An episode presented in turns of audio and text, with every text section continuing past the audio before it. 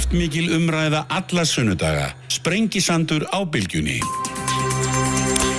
Særi hlustendur, þá höldum við að stað hér á Sprengisandunum í dag. Brynja Dag Friristóttir verður hér í lok þáttar kvíkmyndagila kona sem að dvaldi í Afganistan og við á NATO 2018 og 19. Þar verður þetta Helga Vala Helgadóttir og Ástís Kristjánsdóttir ræðum sjóttvarnir svona upp úr ellu.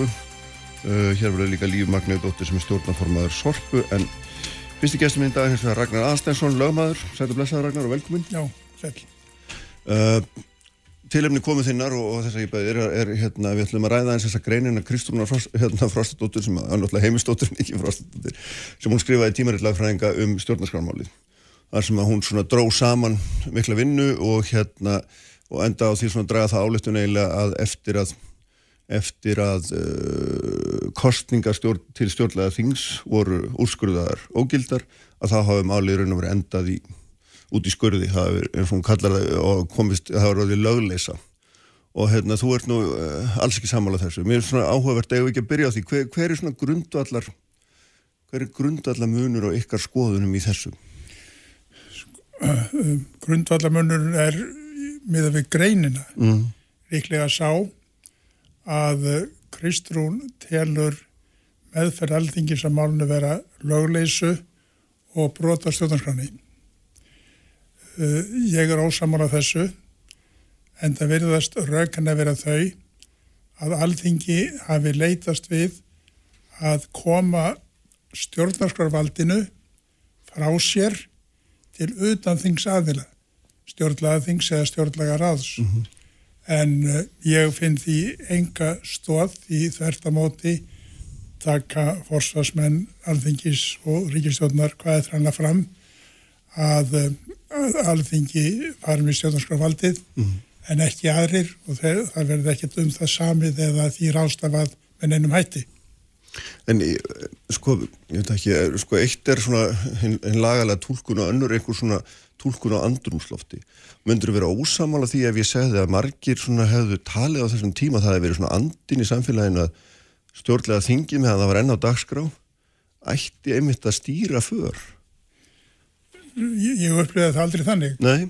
Uh, ég, ég gerði mér þetta alltaf grein fyrir því að, að það væri ekki hægt að framsælja þetta vald með neinum hætti en það væri ekkert aðtóðart við það að, að leita eftir tillögum utan þings og ef við berum það saman við það sem gerðist í tíð þessara ríkistjórnar að í staðis að hún leitaði til stjórnlega þings eða ráðsum tillögur þá bjóðum til annað apparat sem eru formenn þingflokka á alþingi mm -hmm.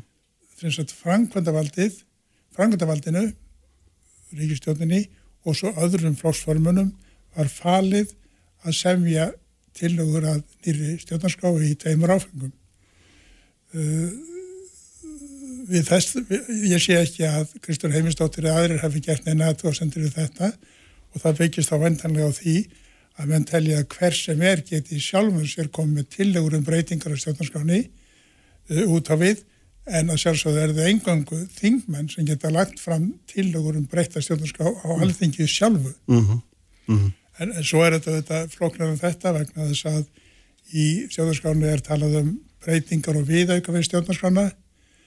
Uh, þar er ekki gert ráð fyrir því að alþingi geti sett okkur nýja stjórnarskrá sem er sko ný í grunninn þar sem að stjórnaformin er þið breytt og svo framvegis. Þannig, þannig, þannig að raun og veru það sem leifilegt er að gera er að gera breytingar á þeirri sem fyrir er en ekki einhvern veginn að endur skoða stjórnskipanina í einum Nei, ekki, ekki, ekki umbildenni. Nei, nei, en það er það sem ekki teldur það sem að stjórnlega ráði laði svo til á á endanum þegar að tilvöðna þar komið það var ekki, það var bara, það var ekki neitt slíkt í Nei, alls ekki. Þetta, þetta, þetta var bara hérna, vinnu aðferð að semja tilugurnar inn í mm. nýja stjórnarskáð sem kollu var. Uh, það hefði verið, það er miklu óhandurlegra að vera fást sífælt við, við eitthvað sem heitir uh, breyting á þriðjumáskan 17. greinar A, B og C. Það var miklu einfaldara að taka stjórnarskána sem fyrir var, fell inn í hana nýja ákveði og, og, og, og breyta sumum en láta, láta stopnin halda sér eins og mm. gert var Mm. Þannig að þetta, ekki þetta er ekki byltingarkendar til úr síður en svo. Mm -hmm. En er, er að þínum að þetta er engin munur á stjórnlega þingi sem hefði verið kjöri látum, látum sem svo að það hefði ekki komið aðdóðasemdur við kjöri og það hefði bara tekið starfa og svo því stjórnlega ráði sem endan var skipað bara með þingsalóttunum til þau Ekki logformlega séð þetta eru hvort ekki aðila sem gera tilugur eins vegar fælst ég á að, að það hefði verið meiri þungi að sumuleiti í tilugun sem hefðu stafa frá innu líðkjörna uh, þingi. En en að lokum þá var það þannig að sama fólkið satt í ráðin eins og var kosið á þingið að einni manneski undan skýrinni þannig að það skipti ekki miklu máli. Nei en það er samt, ég meina það er eins og þú nefnir, það er samt ákveðin svona lögformluðu þungi í líkjörnu þingi eins og, við, eins og það var kallað en hitt er einhver svona, er einhver svona redding þegar að búið að úrskurða hérna kjörið ólumætt. Já, það, það, það, það virðist vera að menn hafa ekki lagt í að halda nýjar kostningar. Sem hefði verið það einu rétt eða hvað finnst þér? Eh, sem hefði uglust verið öflugra en það er nú þannig á Íslandi að, að líðaði má ekki kosta mikla peninga og þess var tíminn meðmur uglust áliti. Já, já, já, einmitt, en það hefði svona, ef mann hefði viljað eigða öllum, allir tortirninu og evasendum, þá hefði það válíti verið besta leiðin. Já, en, en, en að lókum urðu þetta aldrei annað en tilugur þingsins og, og stjórnlega þingið eða stjórnlega ráðu gátt ekki lagt fram fyrir þingið tilugur heldur að það sendt þinginu það og þar var einhver að taka tilugunar upp og leggja formlega fram. Já, en var ekki ákveðin svona óháðu lögfræðinni miskilningur um þetta að, að hversu er raun og veru hvert valdsvið getur við ekki orðað að þannig stjórnlega ráðsins var til þess að hérna að því að margir þeirra sem þar sátu virtust vera þeirra skoðunir að sögumir að mestu kosti að, að þinginu bæri raunveru bara að leggja þessar tilugu fyrir þjóðina til samþýttir eða sinjunar og kom ekki að þeim öðru leiti. Já, það, það, það voru hérna við þór margra eftir þjóðratkvæðið mm. að, að hérna að þar með væri meira röndi kjósenda búin að taka afstöðu til þess að leggja bæri þessar tilugur til grundvallar nýri stjórnarskrá sem alþengi myndi síðan fjallum og þetta byggt ekki á lögfræðinu rökum heldur á síðferðilegum líðræðisrökum. Mm -hmm. En er, er sko það sem átt að gerast eftir að stjórnlega ráði laði fram sína tilugur það var í raun og veru aldrei skýrt hvernig átti að fjalla um tilugurnar hvort þetta átti að Eh, fjalla um einu og einu í einu eða, eða heldina eða hvort að gera aðtóðsendir við orðalag eða greinar eða eftir sem hann er skildist þá virtist þetta einhvern veginn aldrei vera, vera ljóst. Nei það í, í þingsalíkturinni sem að stopnaði til stjórnlega ráðsins þar voru ekki leiðbyrningar um það uh, hvernig þetta fara með tilugurnar þegar þeir varu framkomnar það var algjörlega hundum alþingis að ákveða hvað það gerði við tilugunar mm. hvort að, að hendið þeim út í buskan eða tækja tilugunar til meðferðar í formi uh, tilugu til breytinga á stjórnarskrafni Finnst þér að sko hérna finnst þér að menn hafi svona rapaða álíktunum um þetta að þeir hafi hérna talið einhvern veginn að vera alþingi verið að búið að framselja vald Sko, breytingavald eða hvað? Ég heyrði það fyrst í grein Kristrúnar ég var aldrei varfið þessa þetta í, í þeim hópum sem ég rætti þetta mál Nei. þannig fyrir mér er þetta algjör nýjung og, og ný kenning og, og ég efast um að það sé nokkur sem getur fundið henni stóði í umræðum á þessum tíma ekki minnist í þess allavega mm -hmm, mm -hmm. En þú ert algjörlega sagt, þú hafnar því algjörlega að alþingi hafi með nokkrum hætti afsala sér eða framselt einhvers konar vald til breytinga á stjórnarskránu til stjórnlega ráðsins. Já, já það, það, það var ekkert vald framselt, heldur engungu óskað eftir tillögum mm. að, að endur skoður í stjórnarskrá eða breytingum á gildandi stjórnarskrá. Það var ekki óskað eftir neinu öðru, en það gata alltingi ekki með að við óbreyta stjórnarskrá óskað eftir öðru. Nei, og þetta er hérna, og eins og síðan, síðan hérna þegar þessi mikla vinna fer fram þá þetta þá kemur hún alltaf kannski fram á öðru formi líka er það ekki heldur en svona menn byggustu uppalið því allt í hennur komin full sköpuð stjórnarskrá með, með tölur settum hérna liðum og svo framvegis í stað þess að kannski eh, svona, ég veit ekki fyrir fram að kannski freka búist við breytingatillu um einstakar greinar eða eitthvað þess en þannig er bara búið að stokka allt upp og skrifi nýja kapla og svo framvegis. Ég meina Já, sko, það, það er alveg rétt að, að, að þetta er spurningu vinnu aðferð. Mm. stundum verður þetta spurningu miklu meira heldur að vinnu aðferð en þessu tilvægi var það spurningu vinnu aðferð. Má ég minna á það þegar að, að stjórnarskráin var saman í Fíladelfíu í Bandaríjan og sín tíma þá fór, fór uh, það þing langt út fyrir heimildir sínar og, og við getum nefnt alveg fjöldan allan af dæmum um það í sögunni að aðrun sem eru falin slík til og gerð eða sem er nýja stjórnarskrá hafa uppalega tiltur að lítið umbóð en sjá síðan að það verður að ganga lengra. Mm. og, og svo stjórnarskrá stendur ennþá.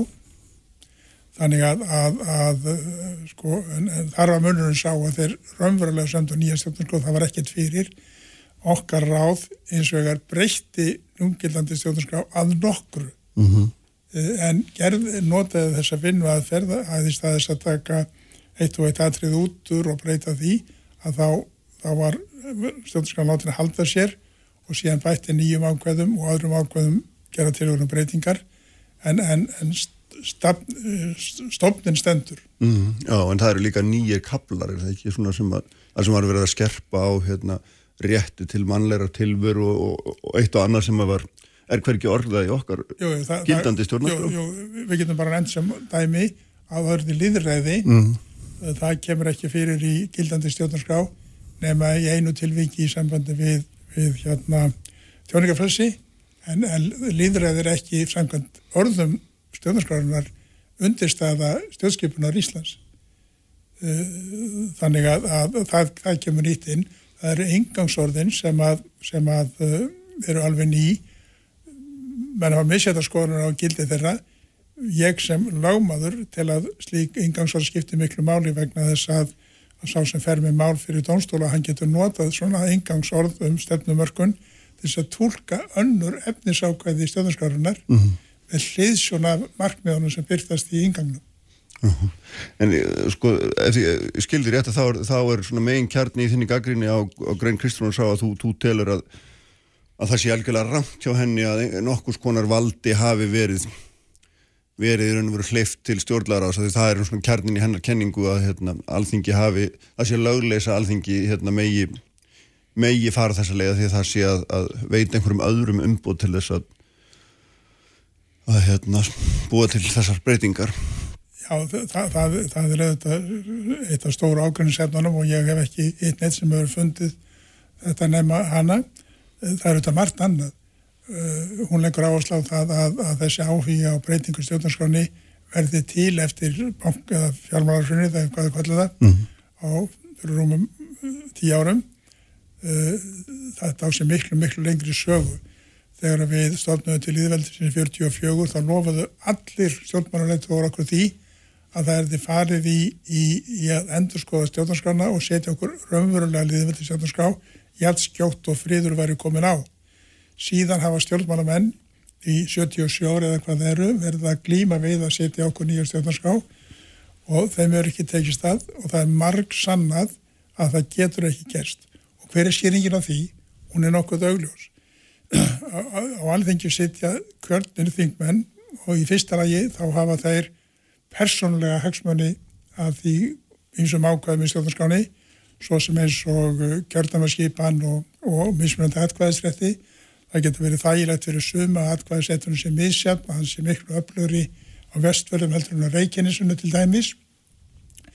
Og, og síðan er það uh, sko flokkshagsmunni svo kallaðir að, að þeir hafa áhrif á þingmenn.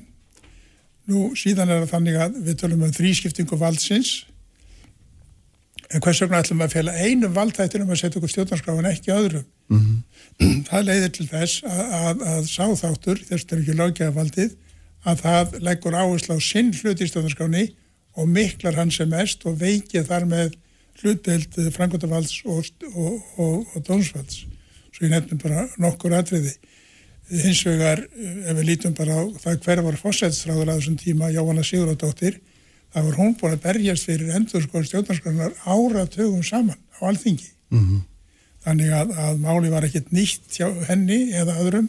Það var gamalt og, og þarna var bara enn eitt tilitnus að reyna að taka það upp og reyna að fá stjórnmálamennina til þess að gera það sem er skilt að gera. Mm. og ég nefni í svari mínu að, að, að, að þingmannur tæst ekki einu sinni að leiðra þetta atkvaða vegi í landinu Nei, en reyndar er það ekki rétt að halda í til að það hafa nú verið gerðar tölvöla breytingar á stjórnarskráni gegnum tíðina.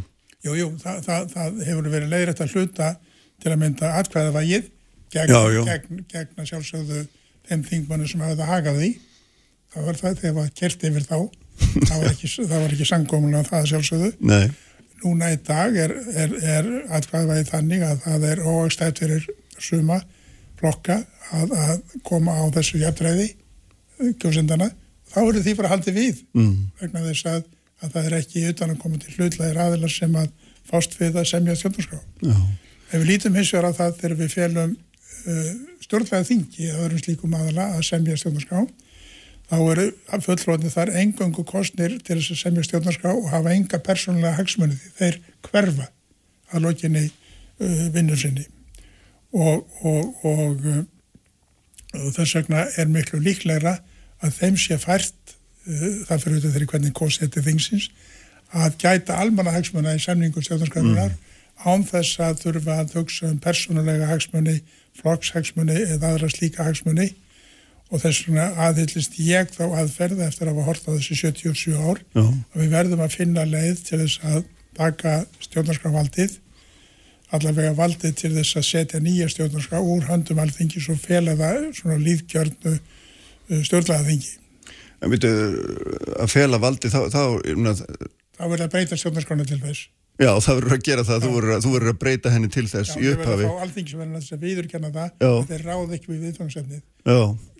Hvað var gert á síðustu fjórum árum?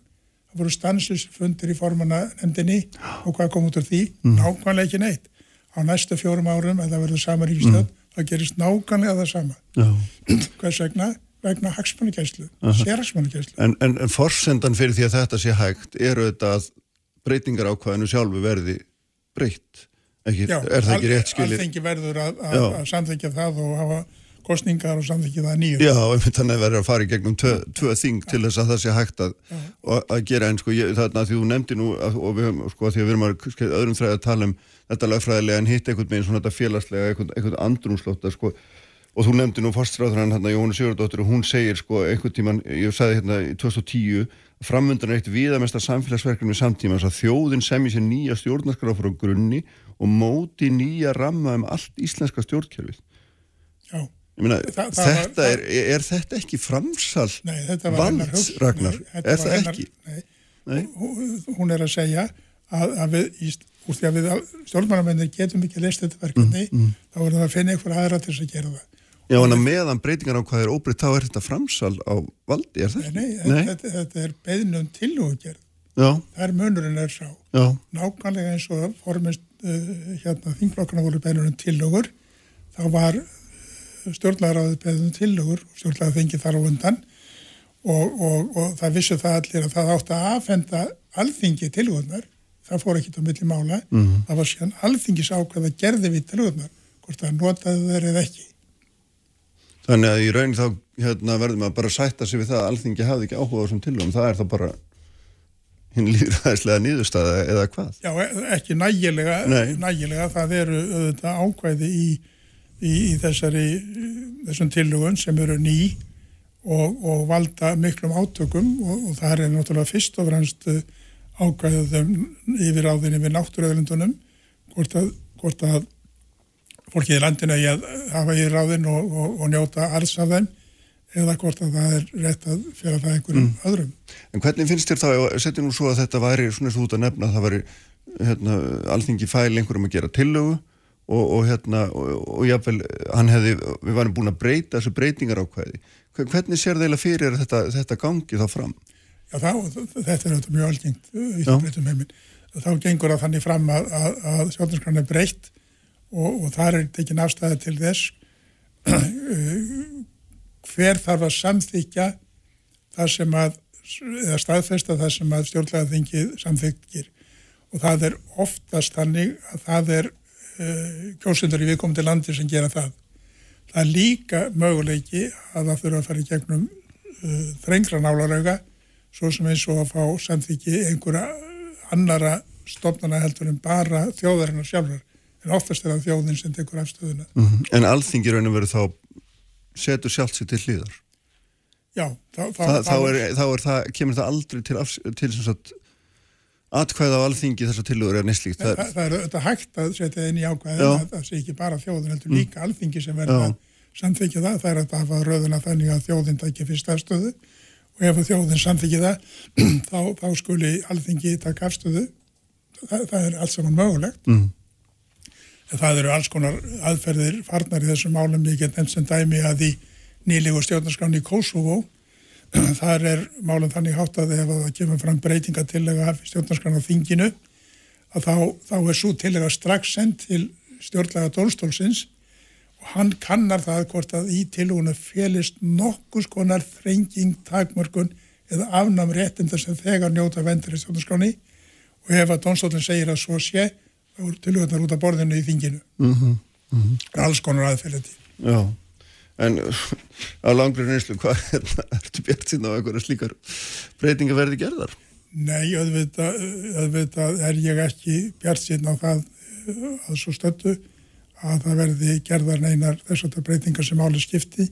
Sko það sem ég tel kannski mikilvægast í þessum breytingum tilögum er, er aukið líðræði, aukið þáttaka almennings í ákvarðunum í landinu þannig að, að við reynum að komast fram hjá svona fórréttinda stjórnmálum þar sem að valda hópur ræður öllu áratug eftir áratug og, og, og síðan auðvitað þurfum við að taka afstöðu til þess hver er, hver er vera vald fósettans og, og hvernig, hvernig hvort að hann hefur eitthvað skonar áhrif eða getur haft áhrif á ákvarðan sem teknur á þingjun ef hann telur þar gangi gegn hagsmunum almennings mm. En fyrst og fremst er það þetta með, með líðræðisáttökuna sem ég til að skipti máli og, og, og vildi leggja áherslu á.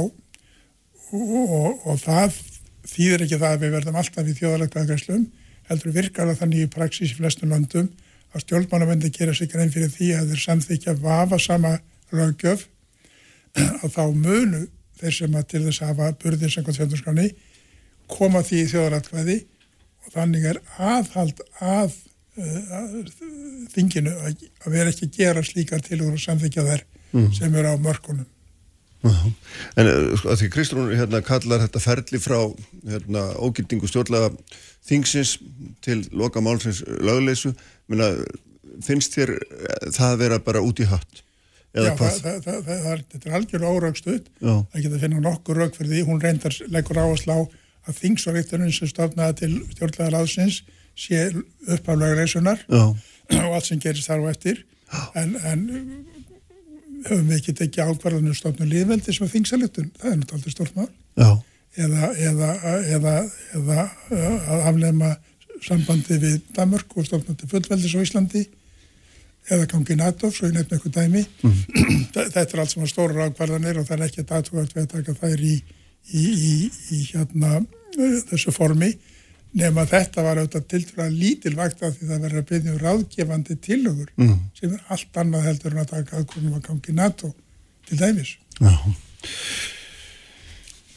Ljómandi, hérna, ég heldur segjum takk fyrir þetta í byli allavega. Þetta, hérna, lifinu áfram með okkur þetta efni eitthvað áfram og hérna kemur hefur eins og nefni verið til umræði fjögur á síðustu fjögur árun og verður þá byggla næstu fjögur árun. Takk fyrir að koma Ragnar og við höldum áfram hérna á eftir með líf Magniður Dóttur sem er stjórnaformar Sorpu og Borgafulltrúi.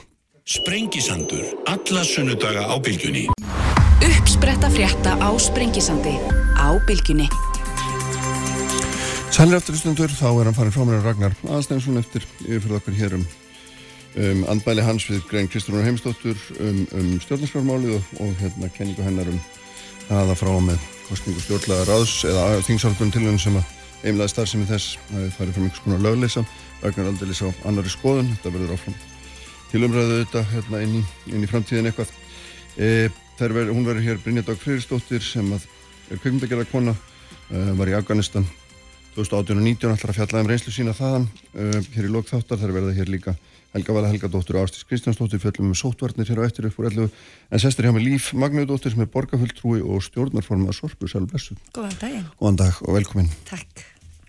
um, ég veit ekki alveg hvað við erum að byrja líf en allavega svona þetta er einhvern veginn hálgert svona klúðusmál þessi sorpa held ég að mér sem nú alveg óhætt að fullir það Nei, ég er nú ósamála við höfum heldur betur tekið til hendinni Já. e, frá því að við ný stjórn tökum til starfa 2018 eftir Mm. kostningarnar Mhm. og ég ætla nú bara að já, e, halda því fram að engin önnur stjórn byggðarsamlega stjórn hefur fundað jafn oft og stjórn sorpu Nei, ok, en það er nú ekki þar með að allt hafi komið gott út úr því. Jú, jú, Nei. þetta hefur náttúrulega verið mikil vinna við að Já. í rauninni endurskipuleggja félagið Já, og færa það í þá átt sem við viljum, sem er, þetta eru auðvitað umhverfisfyrirtæki, e, þróunar og þekkingafyrirtæki. Og, og þangað stefnum við Já. og allt vinnum með okkur í því núna. en hva, ef við skoðum þessa sögu þá er hún samt sem áður heilmikið klúður, ég held að þú getur nú ekki hafna því. Ég og ætla- þarna er verið að flækjast fram og tilbaka með stefnu ímest þetta án að taka við svona úrgangi eða hins einn, hún á að selja afurður eða ekki, og hérna maður svo sem, þú veist, það fyrir bara eftir í við hvert maður hérna í hvaða ummæli maður leitar. Og þá getur maður fundið stefnu út og söður Þetta er alveg rétt og það byggir kannski á því að flokkar nálgast úrgangsmálinn með ólíkum hætti. e, Sorpa er í eigu 6 sveitafélag og allir hafa sína skoðun á því e, hvernig úrgangsmálinn e, eiga að vera og hafa verið. En þetta eru þetta ekki nýtti komið. E, sorpa hefur verið, það hefur verið rætt á vettvangi sorpu síðan 2009 og hætt að urða og þetta hefur tekið alla þennan tíma og hérna það er svo sem hægt að útskýra það með e, kærum og bara þetta er sem sagt að byggja til dæmis gas- og jargerastöðuna mm. e, sem að er einsinna tegundur á Íslandi og hefur aldrei verið byggð þetta hefur allt tekið allt og langan tíma Já, En það er hins vegar þannig að það hefur orðið stefnubreiting bæði hjá sveitafélögum að að það er, við höfum ekkert val lengur. E, við höfum tekið þá ákvörðu núna að samræma úrgangsflokka, að við séum að e, samræma úrgangsflokka á höfuborgarsvæðinu. E, Hvað- við útskýrum þetta aðeins nákvæmlega, hvað, hvað þýðir þetta? já, það er til dæmis þannig að e, tökum oft dæmið um sumabústæð, þú fyrir á Selfoss og þá hendur öllu í eina tunnu. Uh, og hér er þetta gert með ýmsum hætti hvernig við uh, hýrðum úrgang af heimilum og hjá fyrirtækjum en, og það hefur ekkert endilega verið stefna sorpu í fortíð að gera þetta. En nú erum við að minnstakosti á þeim stað núna, núverandi stjórn sorpu, eigendur sorpu uh, umhverfisráðuneti meira segja er búið að setja í lög um að samræma úrgangsflokka. Þannig að það þýðir það að allir flokka sorp sitt eins hvort sem þeim búið í Garðabæði, Reykjavík, Já, Kópói eða með hvað sama sem er. hætti Já. sem er mjög mikilvægt. Og meira að hefur verið viðtækt samráð við sorpsamlögun Suðvesturlandi vegna þess að e, 83% af öllum úrgangi á Íslandi fellur til á Suðvesturlandinu Mhm. þannig að við ætlum að nýta e, þessa resúsa e, í sveitafélagunum á Suðvesturlandi og reyna að ná ykkur að hafkvæmni og umhverfislegu markmiðum Mhm, En hvers vegna hefur þetta tekið svona óskaplega langan tíma? Já, ég hef líka spurt mig að þessu vegna þess að þetta er bara algjör no-brainer sko, að gera þetta með þessum hætti. mörg sveitafjölu gera þetta nú þegar stikkishólmur, Já, akkureyri já. og svo framvegis og framvegis Svo, í- akkurat, en það er náttúrulega líka, eh, sko, höfuborgin er stæst ef að hér búa flestir. E, skipulagið er með ólíkum hætti, þannig að þú veist, þetta er ekki bara að þú takir þá ákverðin yfir nótt og setir sér tunnu við hvert heimilu vegna þetta er bara líka flókið útfæslu. Mhm. En það, að minnstakosti er við sem betur fer komið þangað að við erum allar róið átt. Og Er- þetta er bara að fara að bresta á. Við til dæmis í Reykjavík og Borg höfum alltaf sagt að það þurfa að sérsafna. Að þegar nú hefur verið aldrei rætt um það að, að afyrðun og gæju, moltan, sé Já. ekki nóg reyn og enda erum við ennþá bara í tilraunafassa Mhm. og það þarf að pröfukera þetta og við þurfum að gera En það er ekki bara efnamælingar. verið rætt um að það er alveg ljóst hún er það ekki Já, og það er bara vegna þess að við þurfum að sérsafna ströminum. Allt lífefni á Mm. að fara í eitt ströym og helst þannig að hann sé frá upprunastað sem er sem sagt heimilið eitt, að við sem að safna því þar. Og þá fáum við hérna ströyma inn í gæju og getum búið til moltu sem er næringarík og, og við getum nýtt þá með fagaðilum í hérna mm hverskins landmótun eða hvað það er. Já, þetta er sko til dæmis hérna, bara fyrir ári síðan á fundi í Reykjavíkborg þá sagði þú að þetta væri að gerast. Já, og þetta nú- væri bara alveg að gerast. Nú var hérna, við varum að fara að selja moltu sem hefur ekki gerst Í, það hefur reyndar ekki verið sko, sko gæja er ekki byggð utanum sölu á ráefni, ekki metani ekki Það er- nú heldur er þetta samt í ál, já, já, allt í lagi en það var nú samt í álutun ykkar sagt meir hlutans að það væri fullt aðalinn tilbúinur að kaupa moltu og þarna og síðan hefur það ekkert gerst það, það stendur ekki til að, að selja þessa moltu, heldur nýtana með fagaðalum í Mhm. ímsa uppbyggingu, landmótun og gróðusetningu og þess áttar og auðvitað erum við ekki að fara út með óhrenna moltu. Við þurfum auðvitað að fá leifi fyrir því að hún sé í lægi til þess að fara út Sem með næringaríka moltu. Já, einmitt sem er, hefur ekki fengist En sko gæja er bara brot brot af því sem að við erum í raunin að gera á höfuborgarsvæðinu og það er að innlega, inna, innlega ringrásahakerfi. en þegar þú segir brota brota, Sem er þetta samt loftslagsmál. 6 miljardar króna Það er verkefni reyndar sko, ekki talan, þetta er rámt haft eftir fólki. Já, já, ok, Eh, það hvert- talan sem er í umræðinu er 6,1 miljardur Já, hef ég heyrt, en niðurstaðin er 5,4 miljardur. Ok, en þetta ok. voru svona einhverja bráðabyrra tölu frá innri endurskónda Reykjavíkuborgar Aha. sem að sagði að gæti stemt í allt að. Já, En við skulum hafa líka töluna já, réttar. fínt, 5,4 er það ekki samt sem áður æringkostnaður það er auðvitað, það er auðvitað kostnæður sem að hefur farið fram úr og ég, og ég er ekkert fyrir mig við að viðurkenna það eðlumál sem sangkvæðin Nei, nei. en umhverfislegur ávinningur er líka gríðarlegur Já. þannig að þetta í umhverfislegu tilliti á eftir að borga sem mjög hrætt upp uh, með því að ná loftlagsmarkmiðum okkar uh, gæja ein og sér nær í rauninni 10% af loftlagsmarkmiðum ríkistjórnarinnar í sagt hérna gróðrúsaloftegundum í að- í í temma þær. Ég að draga þeim, draga draga þeim. þannig að dragur útblæstri. Gæja ein og sér bara að því að við viljum aðeins tala kannski um hana þó að það sé ekki heildar myndin að þá e, bara árlega þá samsæðan á því að við sem að taka 30 bensín og dísel bíla af götunum úr umferð 30.000 30.000 já, bíla. já, be- bensín og díselbíla árlega af götunni af sagt þeim útblæstri. Er þetta nú ekki, þú fyrirgjöður ég, ég hef enga útreikningar fórstu sem að meta þetta en, finnst þessi tala hljóma skuggalega Men Ég- ég- nei, þetta er 30.000 bílar, við erum, við erum bara 100 og en eitthvað þetta eru þetta bara sko. umhverfisver. Þetta er umhverfisver. Já. sem að við þurfum á að halda því við ætlum að hætta að urða. Já, og við höfum alltaf verið sammála um það sveitafélagin Já. og að því hefur verið stemt og vissulega hefur þetta tekið langaðan tíma Mhm. en nú sjáum við til lands að því að við erum öll að rói sumátt Já, en uh, að hætta urða í augnablíkinu er náttúrulega þessi molta sem umræðir, hérna, hún er ekkit annað en fíngerður úrgangur sem er bara hægt að urða, því það er ekkit hægt að nota hann í neitt annað. Jú, jú, jú, jú í hvað? Ég... Eftir að setja hana með plastefnum og blí og öllu dótinu í einhverja umferð, ætti það það, að gera? það verður ekki moltan sem að fer í umferð Nei, ég er að segja, svo sem við erum með núna, hún er bara Sú til sem urðunar, að e, hef, já, það er vegna þess að þetta en það er rétt, er það ekki? Að hún er bara til urðunar, ég meina það er hægt að gera en þannig við hana. E- ekki að svo Nei, en það erum við ekki að fara út með moltu að svo stöttu en það erum við í tilraunafasa Mhm. það er nú niðurstaðan Já, en það sem að er, er sem að hefur þá sannast í þessum efnamælingu sem við höfum tekið er að við þurfum að sérsafna áður var talið að við þyrftum ekki að gera það því að, tæknin í, í hérna, mótök og flokkunastöðum væri svo fullkomin að Já. en sama hversu fullkomin tæknin er að þá kemur uh, sko tæknin aldrei í staðan fyrir það að vanda sig í upphafi -hmm. þannig að við séum hvað? sérsafna uh, Nei, þú veist að menna, já, söfnunni sá, sjálfur. já, já, já, sá lífræni úrgangur sem að kemur núna fólk er kannski kærulust og hendir batterjum í þetta eða einhverju sem á ekki að vera.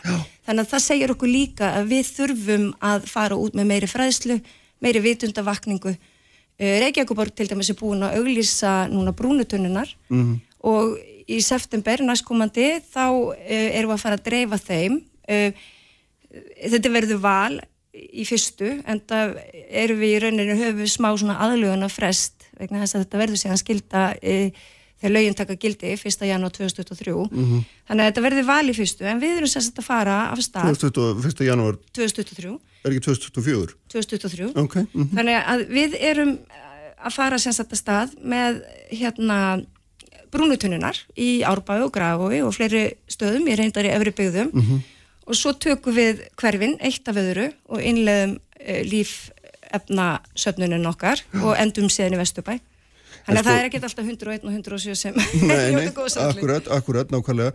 En sko, hérna fyrirhandi frangatastöru sem var nú reyndar hérna, var nú reyndar hérna látið fara saði fyrir ekkert mjög mörgum árum síðan að það var ekki skinsanlegt að fara í slíka flokkun þar að segja flokka niður, hérna, flokka lífrannan eldurúrgang. Heldur væri miklu betra að nota blegjur, katasandbein og afskurð og fleira og búa til molt úr þessu öllu og ef það versmiðan eins og hún er keift, eins og hún er struktúræru, tæknin í henni, byggir á þessu. Þannig það er búið að taka þarna uppeyju, svo ekki sem er að sagt. Já, og það er alveg er svo rétt. skrítið, já það er alveg rétt en það er svo skrítið að það, að, svona, að það er einhvern veginn að toga það út úr fólki að það hafi verið gert. Og því að það er búið að vera í vörn fyrir einhverjum aðtöfnum sem að hérna bara í þú fyrir ekki að ég skil ekki Já, alveg nei, ég bara tek undir með þig Kristján. Og hérna, og ég vil ekki kalla þetta uppeyju, heldur vil ég frekar segja að við erum vitrari nú heldur en við vorum. Já, og það er allt í lagi að skipta um skoðun Mhm. og byggja á þá þeim gögnu sem við höfum og þegar sem eru best hverju sinni. Og þetta var bara haft í umræðunni hér áður fyrr að þetta bara væri hægt að hrúa öllu saman. En nú vitum við betur. Og það er stefnubreiting og við erum að ganga í gegnum stærstu umbreytingu í úrgangsmálum og höfuborgarsvæðinu e, núna. Og erum að upplega þá tíma sem betur fer.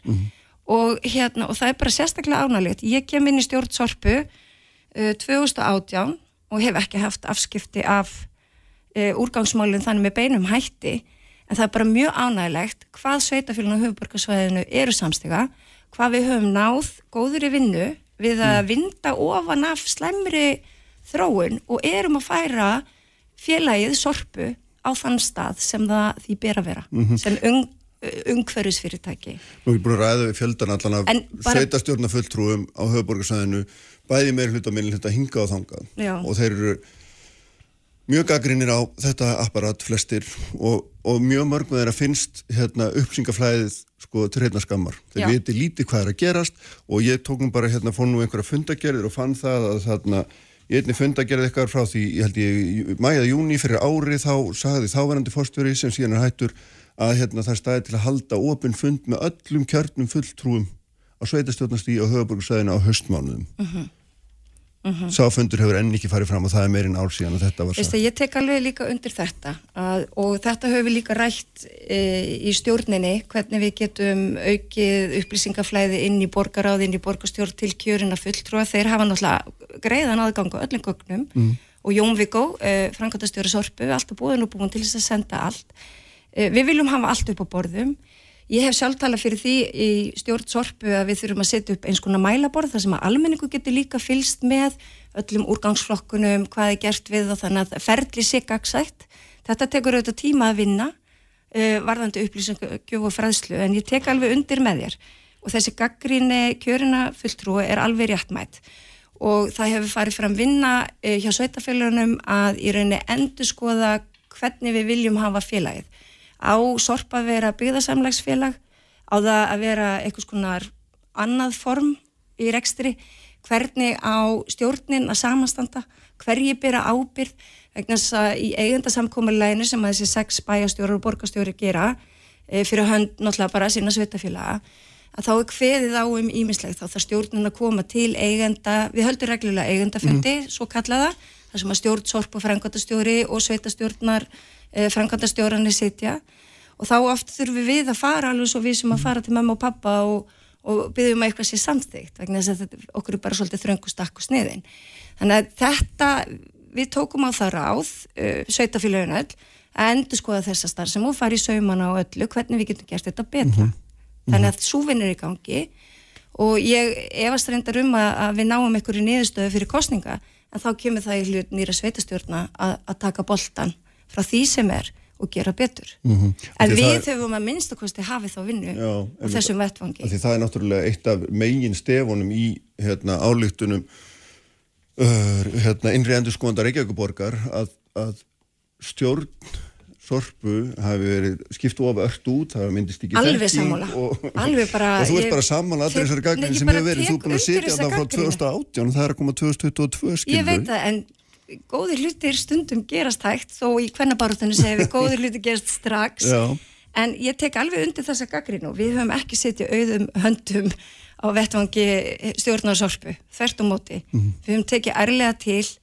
Uh, ég hérna gaggrin líka innri endur skondar Reykjavíkuborgar er svo að ef þú situr í framkvæmdaráðinu sem sagt þá borgaráði eða bæjaráði að þá er ekki að eiga að sæti í vegna þess að þá ertu í rauninu með þessa tvo hatta. Já, og það þarf að vera daldið svona fjarlægð. En eh, hérna og ég líka sammála því og mér þykir það bara mjög fyrðulegt að Reykjavíkuborg hefur alltaf haft sinn fulltrúa uh, allan kjörtíman í þessi fjögur ár.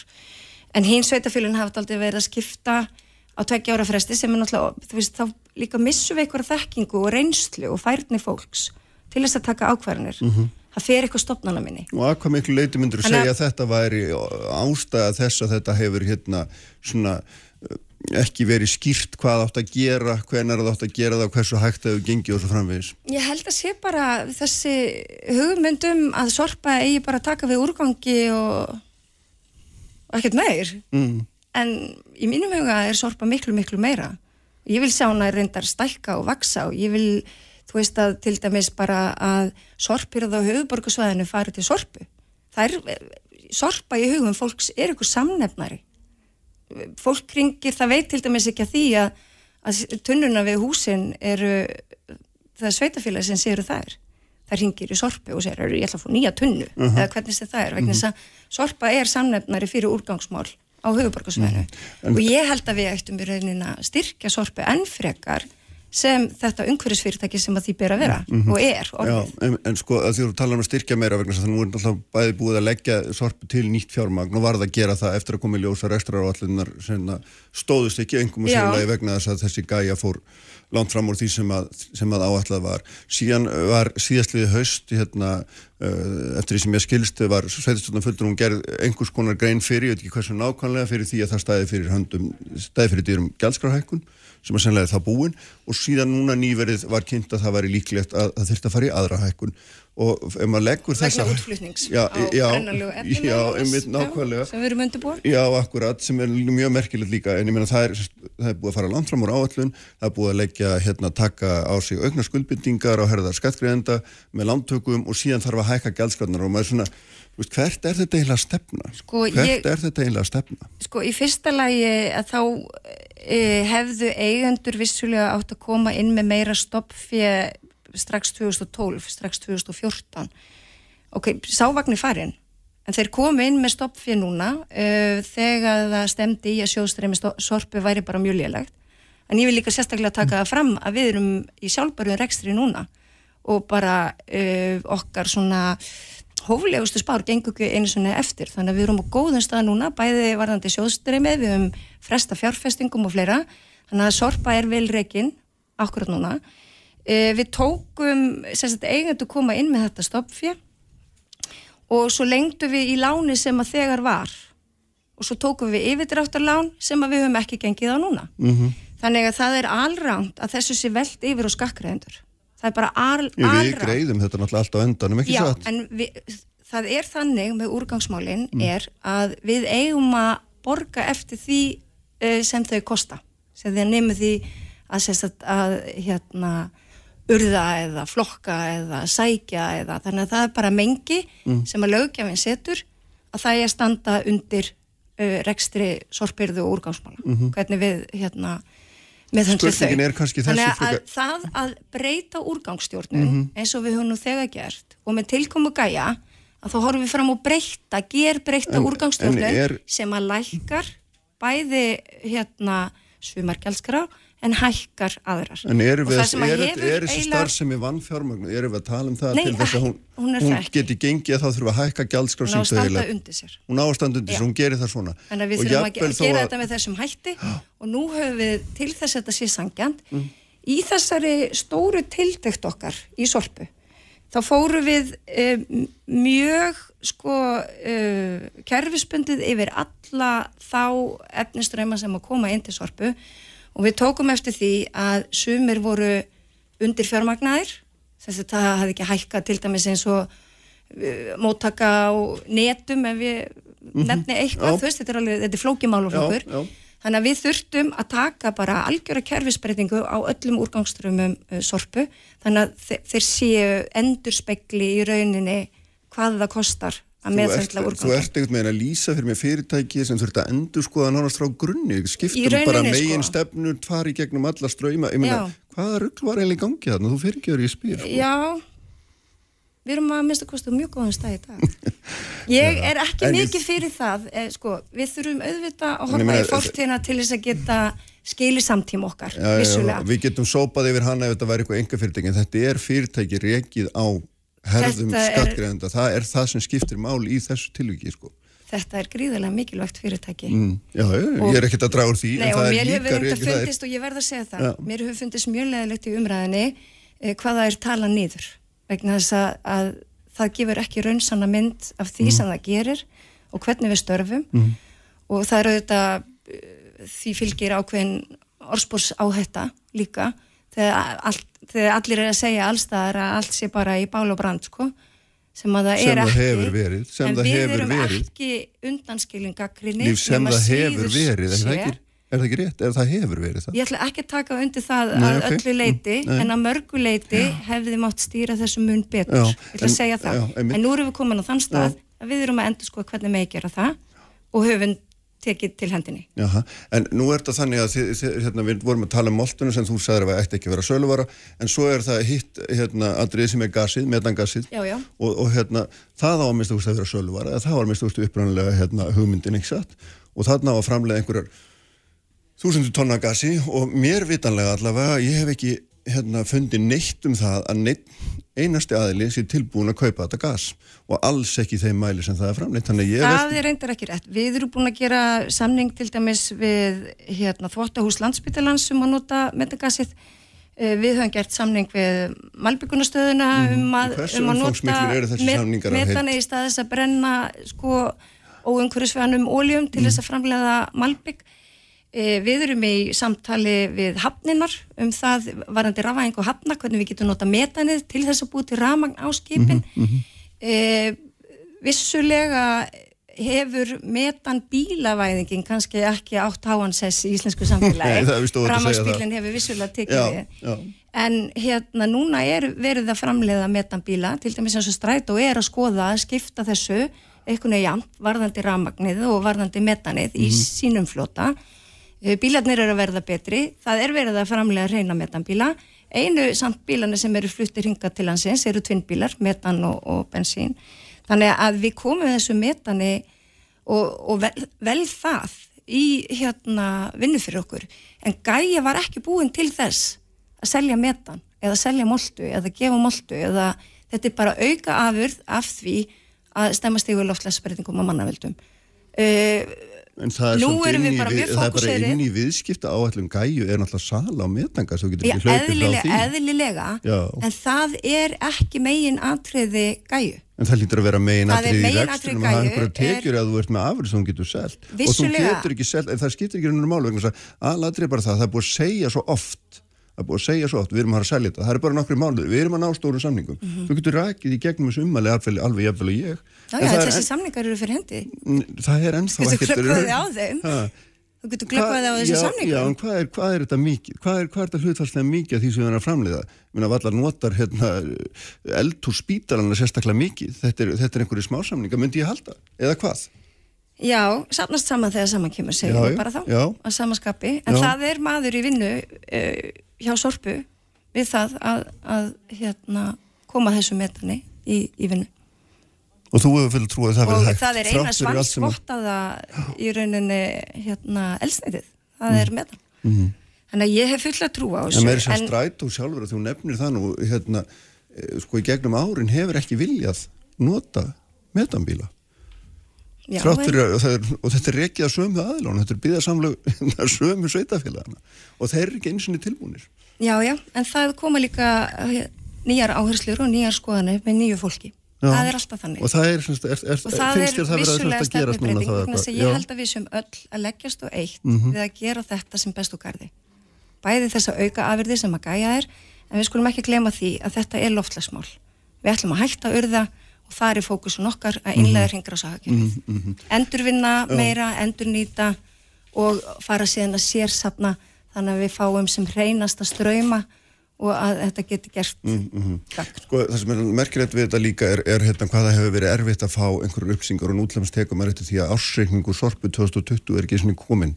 Já, það er bara eitthvað mistök en hann hefur verið lagðið fram í öllum Já, hann er bæjar og ekki, já, borgaráði hann er allavega ekki á netinu, það er eins og gamli, gamli reikningar og hérna, við samþýttum hann í, Já. í mars, Já. hann var lagðið fram í ja, mars, já, februar og mars, meira að segja en það er þá bara fyrir mistök, en það er þá hægt að senda ábendingu Já, til okkar sem já, við getum kannski gert fína. betur í Ok. stað okay. sífilt að vera gaggrína. já, já, allt í fína, hérna, segjum það, en, en, en síðan er það hérna, síðan er maður að tala við, sko, sæðistjórna fulltrú þá spurði ég það líka það sem þú nefndir hérna lauslega áðan, sem er, er þessi hugmyndum að fara að selja brennalegt sorp úr landi, eða flytjað úr landi, og þú saðir áðan að þurft að hækka gjaldskrána til þess. Endurskoða gjaldskrár, sem, sem felur hvað það- í sér þá?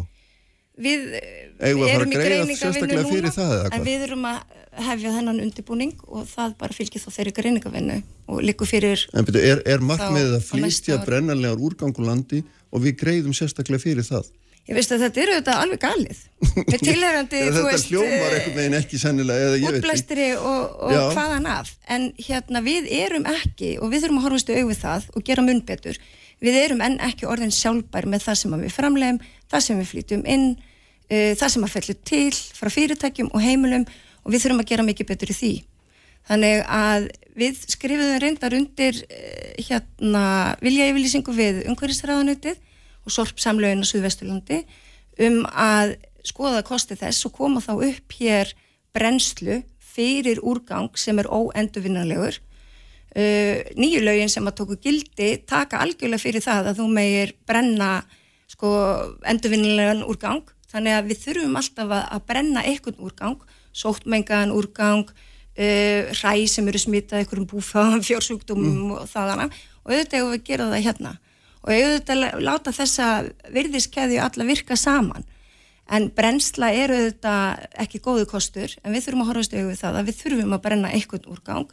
Og það er plast sem að fellur til. Ég meina það bara 30% af öllu því plasti sem að fellur frá heimilum er endurvinnulegt og þá spyr ég mig líka, okkur erum við að framleiða eitthvað sem við getum ekki endurunnið eða nýtt aftur -hmm. og það var náttúrulega bara að taka það fyrir í innflutningi, við höfum ekki að taka við varningi sem við getum ekki endurnýtt eða endurnotað Mhm. En þannig er að það- er, það er bara verkefni framöndan En, en, en það er sérst rétt skili hjá mér að við gætum þurft að greiða aukalega til þess að koma þessum hérna, uh, úrgangi úr landi sem þarf að brenna. Það er, það er, er það rétt mér finnst eh, við bara uh, öll sveitafélögin á Íslandi umhverfisræðandi ríkið mm. hefum að axla ábyrð á þessu og gera þetta saman af því að þú veist, innrásaðgerfi álíktunin verður ekki bara Er, sett er að rétt? einu Er álíktunin rétt? er, Er álíktunin mín rétt um það að við þurfum hugsanlega greiða sérstaklega fyrir að koma þessum hérna brennanlega úrgangi úr landi? Er, er, það, er það tilfellis? Já, það verður þá endurspeglist í gjaldskrán kostnæran sem af því hlýst, já. En ég veit ekki hvaða tölur. Nei, nei, ég er ekkert að spyrja um það, en það, ég, er, ég er að spyrja um þessa grundvallar hugsun að það gæti verið að við þyrftum að greiða sérstaklega Já, en þessi útflutningur á hérna brennalegu plasti, Mm. það er tímabundin lausn. Og það er bara til þess að brúa það bil sem við erum að fara að hætta að urða og áður en okkar brennslu verður komin. Þannig að það Þannig að þetta kemur er tímabundið. Því miður, svona er þetta. Mhm. Eitthvað verður við að gera. Herri, takk fyrir þetta líf, hérna, við komst ekki lengri í bíli, takk fyrir þetta og takk fyrir að koma og hérna, spjalla við okkur um, um, um þetta. mig. Það er verða hérna hjá mér Ástís Kristjánsdóttir og Helga Vala Helgadóttir eftir ræðum þá sótvarnir. Sprengisandur á bylgjunni. Kraftmikil umræða, alla sunnudasmórna. Sprengisandur á bylgjunni.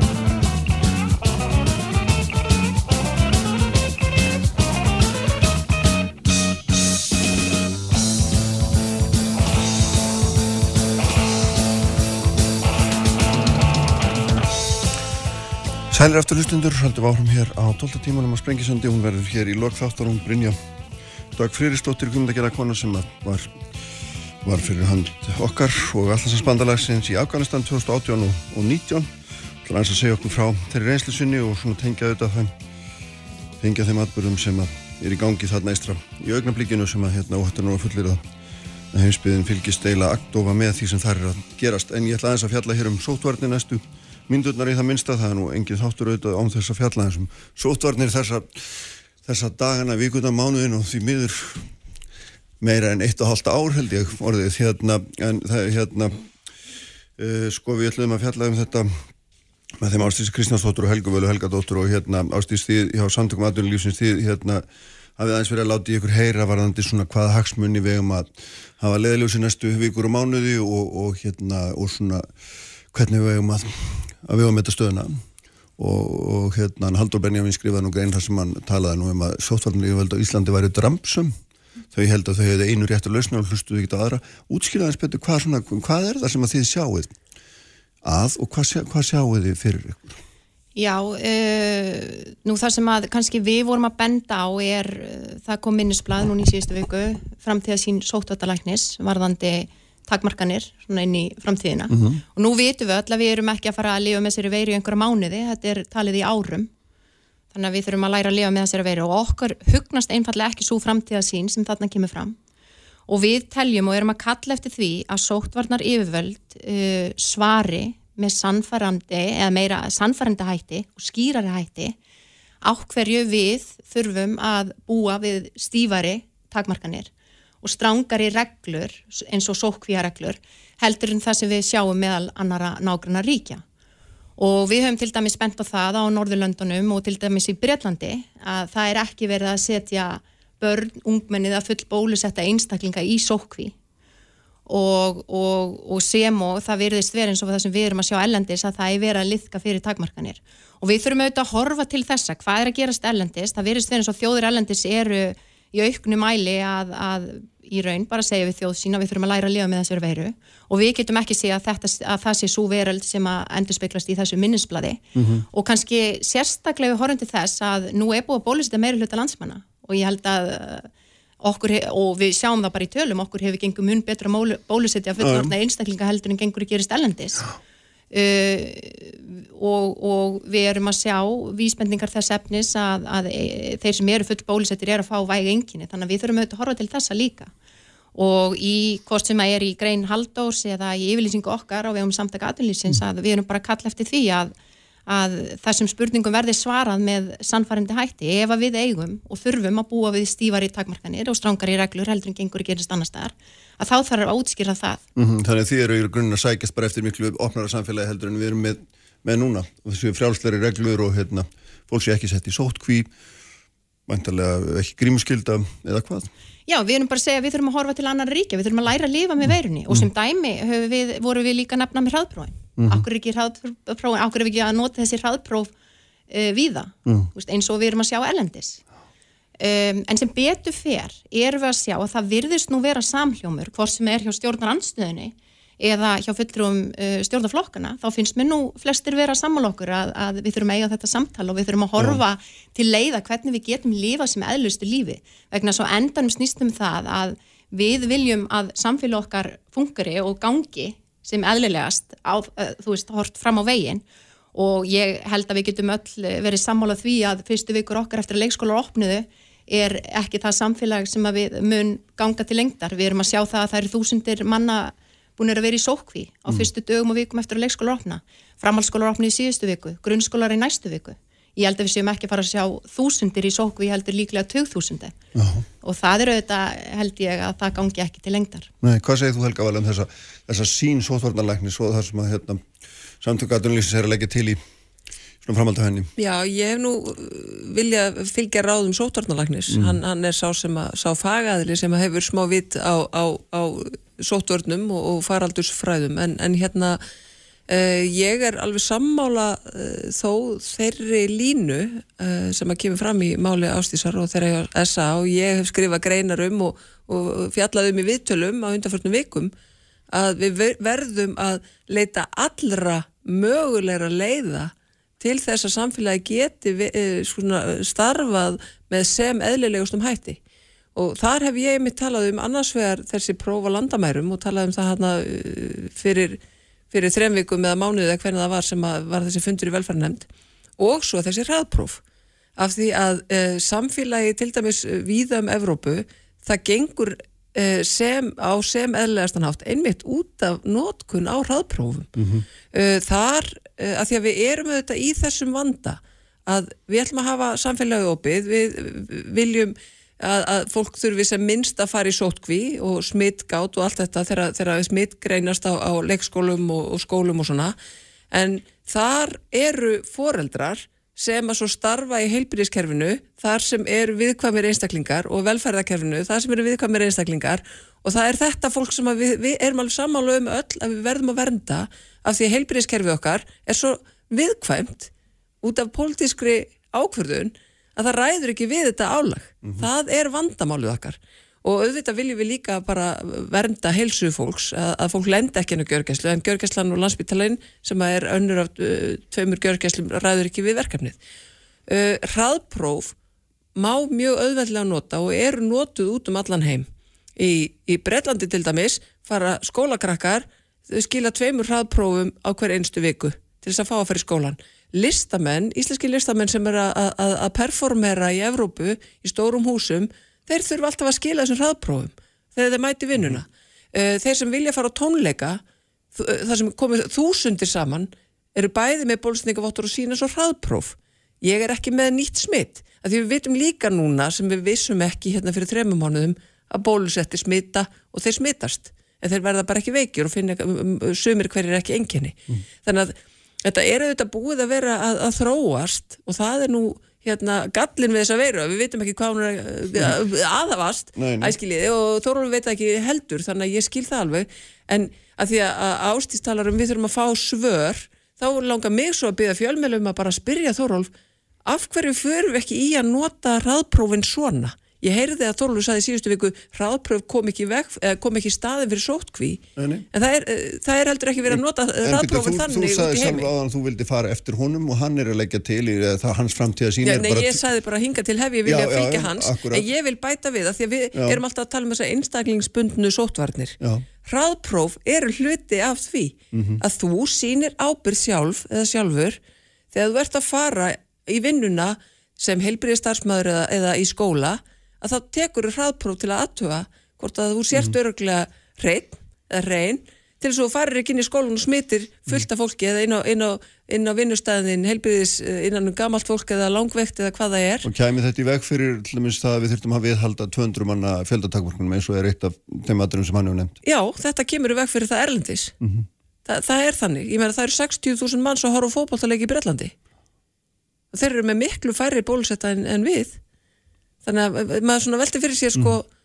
á Íslandi, þú stendur hérna nýra á hlýðarenda og það með að vera 200 í hólfum og það verða allir að vera með grímu ég er, mér finnst grímunótkun ekki, ekki það versta sem ég þarf að gera til þess að reyna að vernda mig og umhverju mitt, mér finnst það bara mér er alveg saman þess að grímu en ég bara hef svo miklar áhugjur af, af, af geð heilsu þjóðarinnar, ég hef mjög miklar áhugjur af langvarandi mm. andleri heilsu ungs fólks mm. sem er að fara inn í þriðja skólaveturinn sem að verður mögulega skertur fá ekki að fara á busaballið fá ekki að vera í íþróttastarfinu sínu fá ekki að vera í tómstöndum og, og, og bara þessi mhm. félagsþróski sem er sko risastór hluti mm. af skólagöngunni Ástís, er, er það ekki að mata að við höfum bara hérna, við séum bara ekki með þetta rétt séum bara að gera eitthvað rátt í þessum sótvarnar ástöðu þetta sé bara allt stráng við séum bara ekki að skilja stöðunar rétt. Nei, við erum í raun, ég menna ég er ekkert að segja að sótvarnarlæknir hafi ránt fyrir sér og við erum ekki að gera það, við erum ekki að segja það. En það sem við erum eins og verið að kalla eftir er raukstöðningur, vegna þess að við erum að sjá það og við finnum það, við þau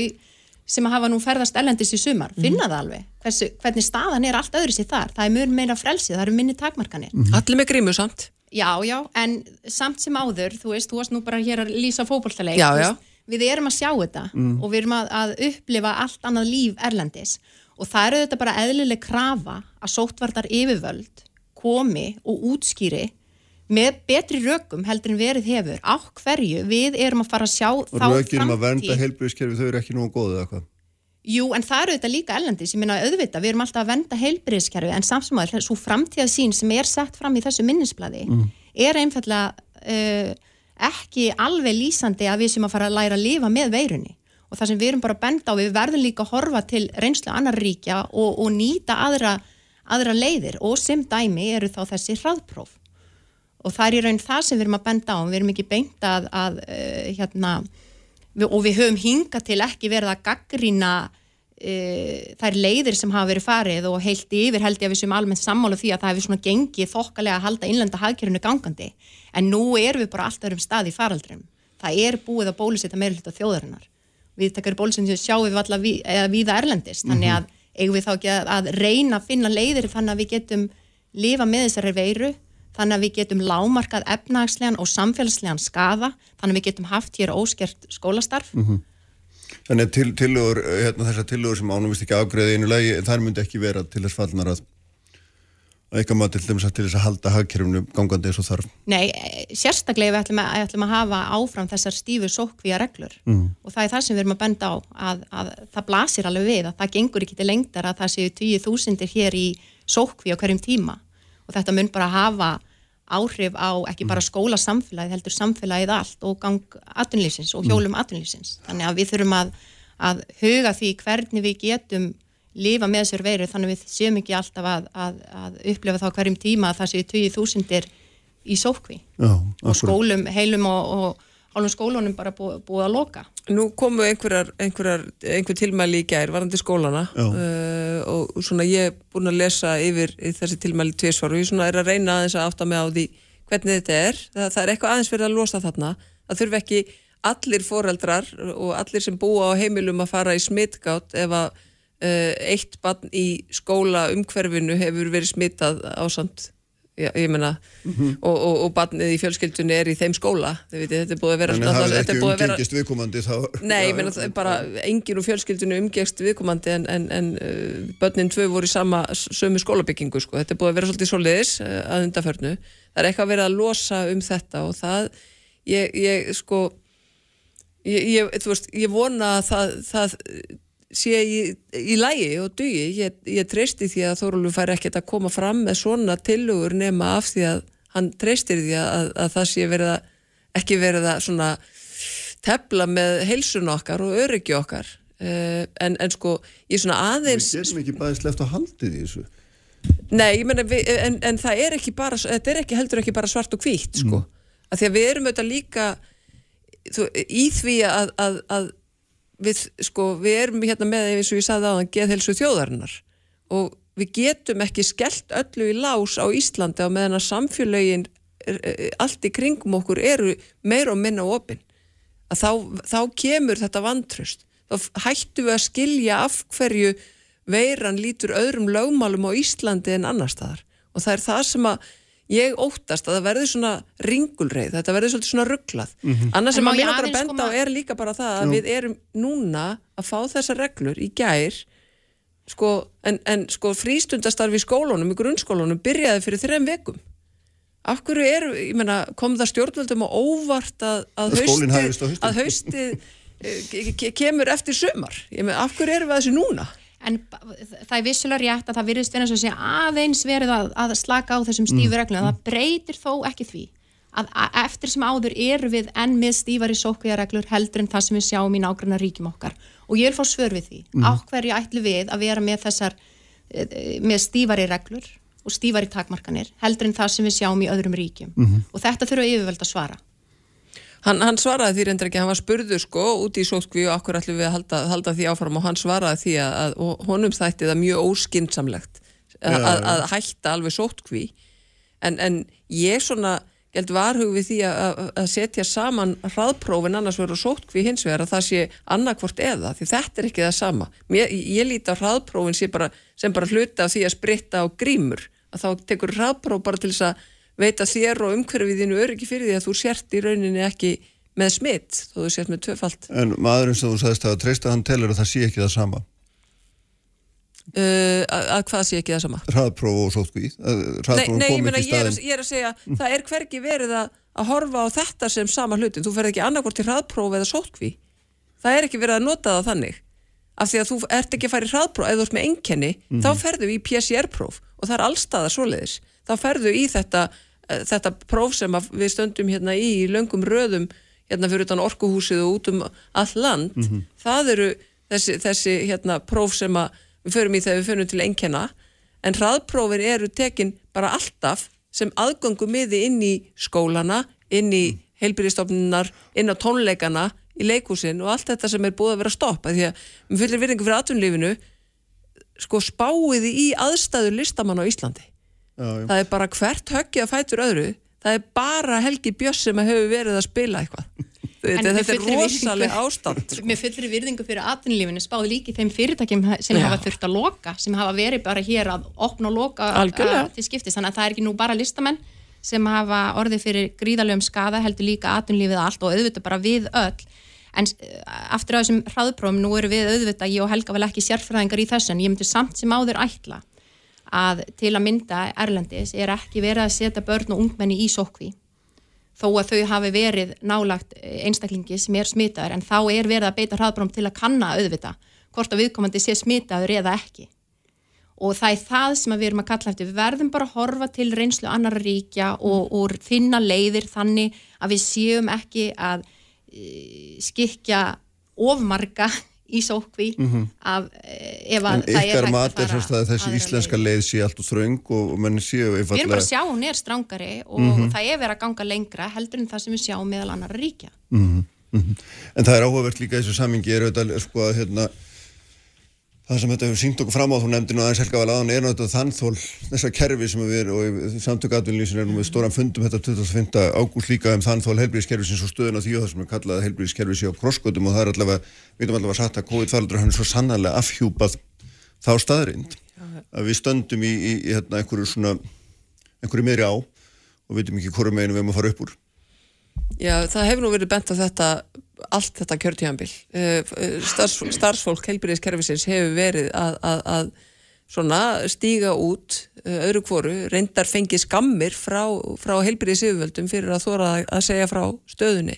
En við höfum fengið ítrekkað uh, ábendingar um að, að það sé ekki allt með feldu í helbriðiskerfinu það er vanfjármagnað og, og það er ekki nógu vel skipulag skipulagt. Það er verið að, að geima eldra fólkin á landsbytala sem á, á rétt á að, að fá viðunandi úrraði heimilis aðstæður og, og þjónustu eftir að hafa lagt hérna til samfélagsins í ára tugi. Þannig að hérna á hverjum tíma eru um 130 mannsinn á landsbytala sem eiga að fá að vera á hjúgrunheimilum til dæmis.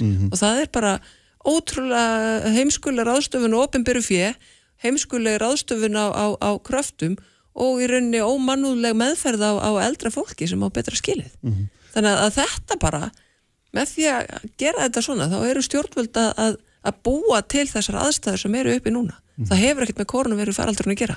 Það var hérna neyðarkall í desember og januar 2019-20 sem við fjölluðum um í velferðarnemnd í heila viku. Þannig að þetta er ekkert nýtt, þetta er bara pólitísk ákvörðun að hafa þetta svona. Mhm. Hvernig horfið þið á þetta? Af hverju eru þið að halda hann að funda og hvað það, hvaða krosskontur eru það sem þið sjáuð? Já, ég held nú að við, við erum auðvitað bara að halda en að funda því að við höfum gríðalega áhyggjur af því hvert við erum að stefna í þessum efnum og við erum búin að sjá það auðvitað og upplifa það í gegnum þessi COVID ár, eh, þetta er orðin hvað átjá mánuðir, að við höfum ekki efna á að reka kerfið í óbreyttri mynd og það má ekki vera markmið okkar að við séum með dýrasta heilbriðiskerfi í heimi Enda eða næst dýrasta heilbriðiskerfi í heimi. Það, það ég, það má samt, ég, ég veldi í stundu fyrir mig hvort að það sé markmið í sjálfum uh, hversu, hvernig, hversu mikið við erum að eyða til kerfisins og við erum aldrei að ræða vandan sem það ríkir vegna að endan við markmið alltaf að nýta sem best að fjármagn sem til kerfisins kemur. Það er verið að tala um að hér sé umönnunavandi. Stöðugildum frá árið 2015 hefur fjölgað um 20% á spítalanum frá 2015. Á sama tíma hefur sjúklingum á legudeild Á er um fjölgað- já? legudeild, sjúklingum á legudeild fjölgað um 1% og það er verið að benda á það í skýrslu McKinsey og, og jafnframt fyrir um forstur landsbytalans er einnig að benda á það að framleiðnin hefur verið að dragast eða sem sagt verið að minka það þarf að skapa kvata þannig að sé þessi kvati til aukinar framleiðni aukinar skilvirkni. Þannig að við sem að fá sem mest fyrir peningin og sem dæmi þá var hér fyrir um forstur landsbytalans að benda á fjármögnuna líkanið Það er svona aðeins búið byggt- að vera að setja ofan í við hann að undanförnu. Ok, flott, ræðum það. Eh, byggt á föstum fjárlögum. Og það blasir það við, ef að fjárlögin er ekki bein tengt við framleysluna þá skapast ekki þessi kvati til að auka skilvirkni, auka framleiðni. Og þetta líka leiði til aukinar au, eh, til ógagsæs og það bendi líka skýrsla McKinsey á. Og það er samdóma álit þeirra sem annars vegar greiða fyrir þjónustuna sem eru auðvitað bara ríkisjóður sem og þeir sem veita þjónustuna að núverandi líkan ítir einmitt eða skapar ekki þann kvata sem til þar til að breyta kerfi, til að auka gæði og þjónustu. og sem dæmi, akkur horfum við ekki bara til þess hvernig þetta hefur verið gert hjá heilsugjæslinni með fjármögningan líkanir þar, það er verið að beintengja það við framleysluna og hvað hefur gerst? Við erum að sjá framlegnin hefur aukist. Þjónustan hefur batnað til munna ég finn það sjálf, við finnum það í einn skinni. Mun betri þjónust á heilsugjæslistöðunum heldur en verið hefur. Og þetta er eitt af þeim tillögum sem við erum til dæmis að fara að ræða nú í vikunni Uh, þá jafnframt erum við að leggja til að við munum horfa til reynslu svíja eins og til dæmis gagvart þjónustutryggingu að, að eins og svíjar gera að þeir skilgreina fyrirfram, hið ofinbæra þarf að skilgreina fyrirfram hvaða heilbriðstjónustu þau ætla að greiða fyrir og þá vitum við það. Og svo notan, getur notandin uh, fengið þá þjónustu sem að búið er að skilgreina og þetta bara byggir alltaf því að það er jaft aðgengi okkar allra heilbrið stjónustunni mm -hmm. en það má horfa til ólíkra rekstraforma í þessu uh -huh. og þá jafnframt erum við að leggja til að byggtímin verði lögfestur. Mm -hmm. þannig að við vitum að innan uh. x daga eigum við rétt og viðegandi þjónustu og nú ef að spítalinn getur ekki syndi þá getur við leitað annað sem uh, er búið að skilgrina fyrirfram En eitt af hann Helga Vala kemst að þú segir að við séum eitt dýrastægi helbriðskerfi í heimi. Ákvaðan ákvaðan ert að horfa þar? Ég sagði þá ekki vera markmið okkar Nei, að vera með eitt dýrasta. Nei, ég sagði þá ekki vera markmið okkar að vera með eitt dýrasta helbriðskerfi heimi. Mm. en eitt af því sem við getum gert er að skoða heilbriðsútgjöld sem hlutvata landsframherslu og það hefur verið gert, við hefum verið að bera okkur saman við Norðurlandin sem dæmi. Já.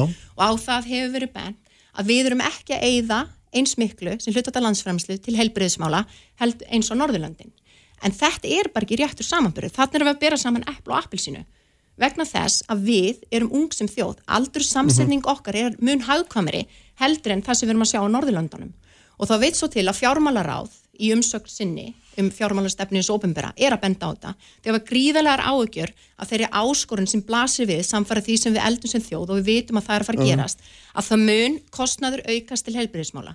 Í langtíma stefnu fjármálaráðsins er jafnfram benda á þetta og vel að merkja, í umsökk fjármálaráðs er búin leiðrætt að fyrir aldursamsetningu þjóðarinnar. Við erum að bera saman heilbriðisútgjöld sem hlutvata landsframslu, leiðrætt fyrir aldursamsetningu þjóða.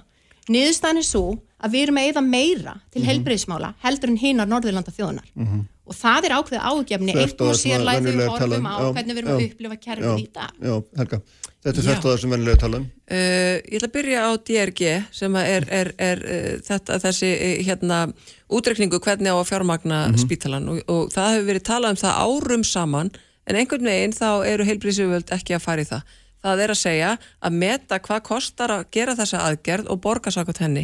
Landsbyttalinn hefur talað fyrir þessu árum saman, það hefur verið talað um þetta í mörgum, mörgum McKinsey skýslum og, og það hafa verið haldinn mörgmálþing. Ég veit ekki hvað veldur því að stjórnvöld fari ekki í þetta, að það eru allir samála um að þetta er, það, það er, það er alveg galið að hafa landsbyttalinn á fyrstum fjárlögum. Uh, í öðru lagi verð landsframleysla, uh, þá er það þannig að við erum að reyka hér uh, hátæknisjúkrahús, háskólasjúkrahús sem er landsbytali sem að sinnir öllu. Hann er bæði háskóla og hátæknisjúkrahús og hér að sjúkrahús fyrir 270.000 manns og það gerir það verkum að, að hérna, hann þarf að vera bæði að taka botlanga og vera mjög flóknum heila skurðagerðum og allt þar á milli. Uh, við þurfum að hafa tæki og þekkingu og möguleika á að sinna þessu öllu mjög flóknum aðgerðum hér þó að það séu mögulega 15 ári en ekki þúsund eins og í Svíþjóð. Svíjar eru 10 miljónir. Þannig að þegar við erum að tala um sko að verk landsframleysla eh, sé ekki góður mæli hverða því við séum svo ungþjóð, þá verðum við líka að horfa á þetta. Og, eh, hérna, að við verðum að hafa ákveðin tæki sem að auðvita þess vegna verður spítalinn í rauninni ættan að vera miklu dýrari en hann er. Ef við horfum eins og verður á þennan spítala og berum hann saman við uh, sjúkarhás, sambarleg sjúkarhás, þá er hann í rauninni betur rekin en önnur sjúkarhás sambarleg.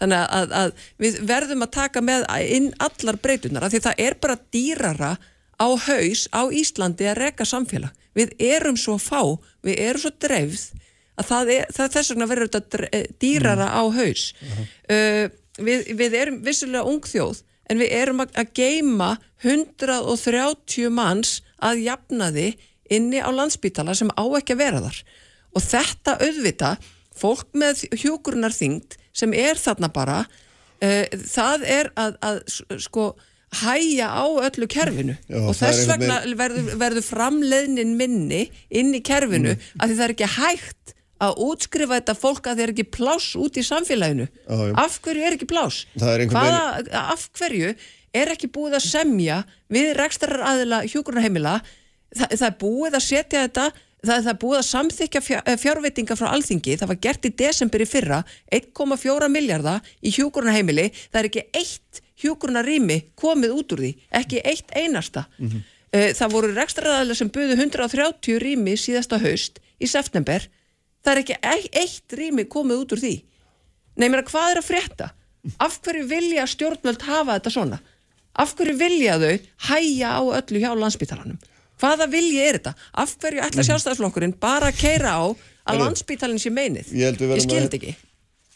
Viltu koma í 20 sekundur í loki? Það er mjög stundu tími Ég, eftir, ég verð samt að segja, ég verð, mér finnst Já. áhugavert að þú ert ekki til í að horfa á heilbriðsútgjöld sem hlutat á landsfærslu vegna þess að ég er Jú. ítrykkað að lesa að það sé ekki réttu mælikverði vegna þess að ég er ítrykkað að lesa þið verðum að gera, þið verða að gera líka en Að það verður að horfa til mismunandi aldursamsendinga þjóða vegna þess að það sannanlega hefur áhrif og þetta er svo áskorun sem er framundan ef við ætlum bara endalust að vera auka útgjöld til málaflokksins Ekki þær Við erum að setja miklu minna ástís, miklu minna. Og Við vorum í auka 7% og, og Norrlanda þjóðnir í 11, nú erum við komin upp í 8,3% og Norrlanda þjóðnir í 11. Nei, aftur, þú verður að leiður þetta fyrir aldursamsynningu og þá eru við að eigða meira sem hluta þetta Já, en þú landsframslu verður þá líka að frá þessu sem ég var að segja. Við Algjörlega, erum en- færri. En ég kalla Við erum eftir miklu því, færri. þú talar um að, að hann sé betur rekin en sambarlegi spítalar. Það er algjörlega á skjön við það sem við erum að lesa í skýslumanns kynsi sem dæmi, sem er einmitt að bera við spítalan saman við aðra sambarlega Heyrðu, spítala. Ég verða, hérna,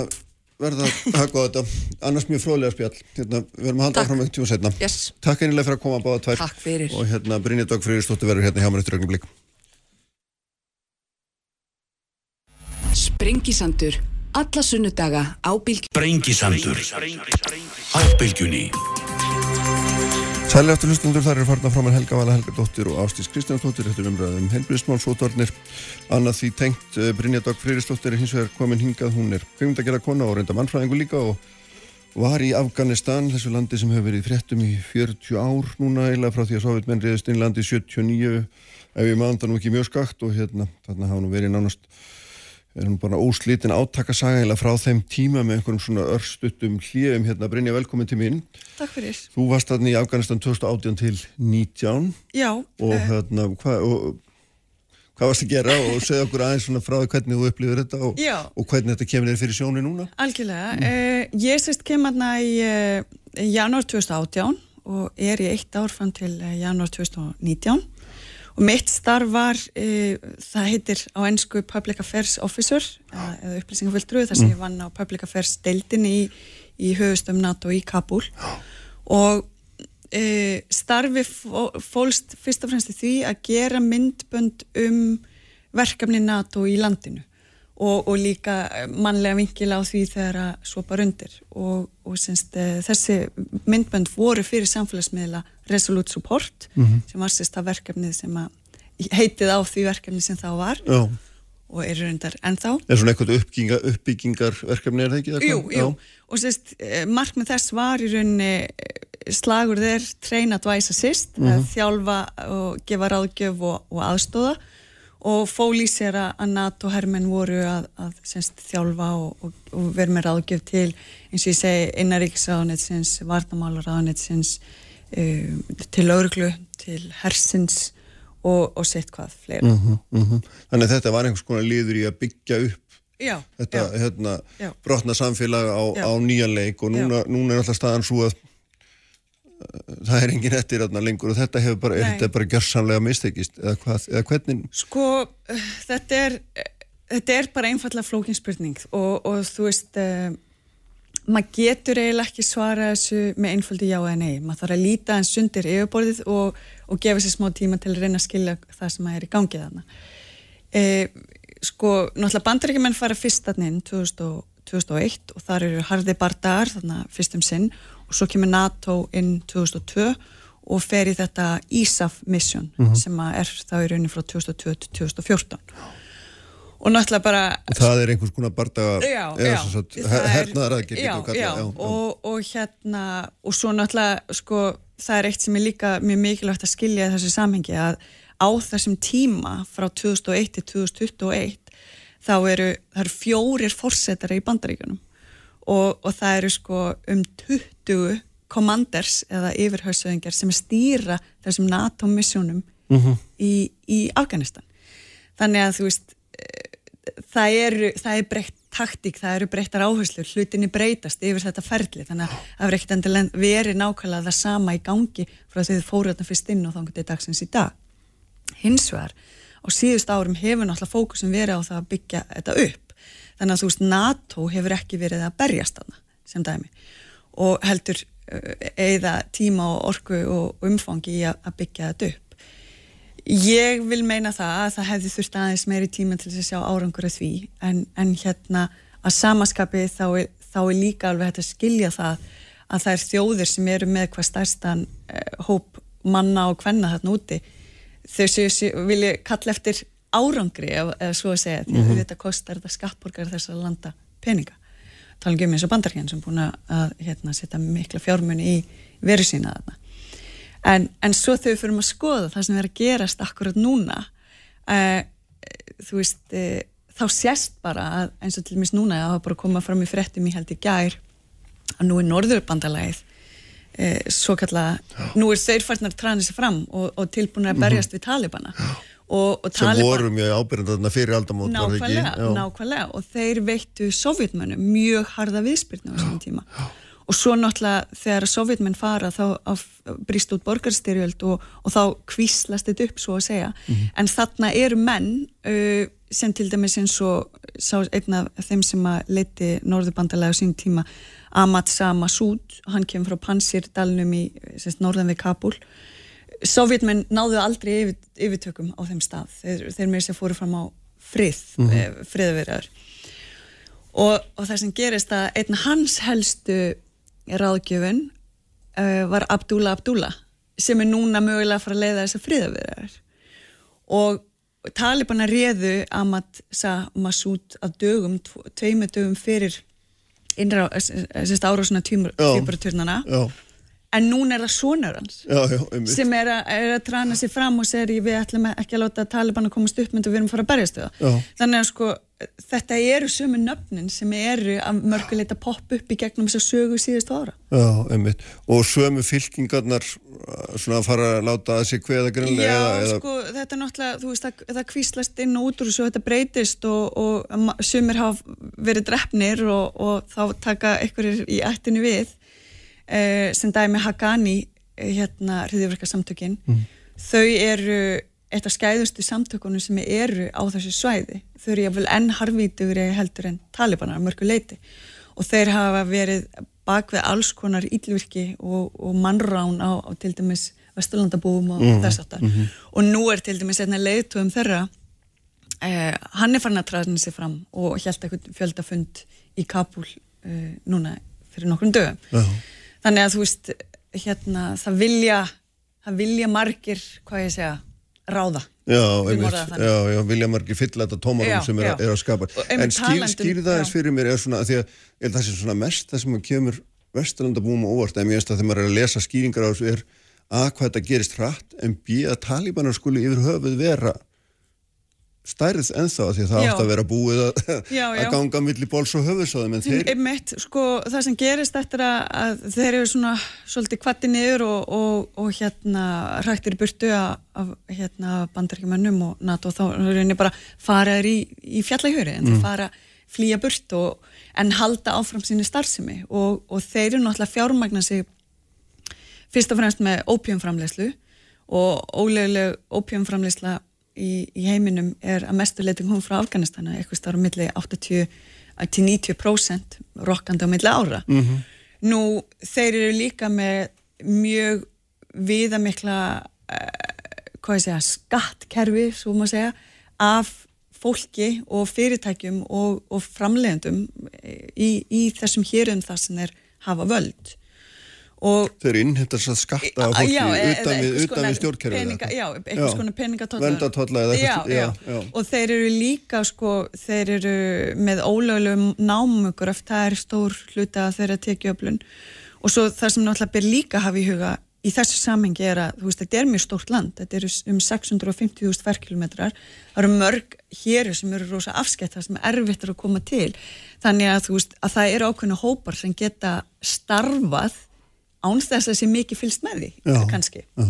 eða það er erfitt að Já, fylgst með þannig, því þannig að þetta er þeir, bara afskekt já, en þannig að þeir hafa haft öll þessi ár drjúar Það tekjur, já, og vottvæst á nýjan leik og svo framvegis Já, og svo er náttúrulega líka að tala um það að, að það komi fjármang þeirra frá öðrum eh, segja, stuðningsmönnum í Já. öðrum löndum Já, sko. já, já, já. Þannig Jafnvel er það ekki að þeir fá pening frá Vesturlundum eða það er maður að heyra Já, eða, eða kannski, þú veist Pakistan eða Sáti Arabíu ég ætla ekki að fullera neitt um það en, en það er svona, það er ímislegt sem benni þess Já, akkurat. Þannig hérna, en, en svo, svo það sem gerist núna, sko, veist, uh, það er náttúrulega auðvitað margir sem spyrja sig af hverju barði stjórnarinn, af hverju gerður henni ekki neitt, af hverju lögðu bara vopn og, og gengur burt?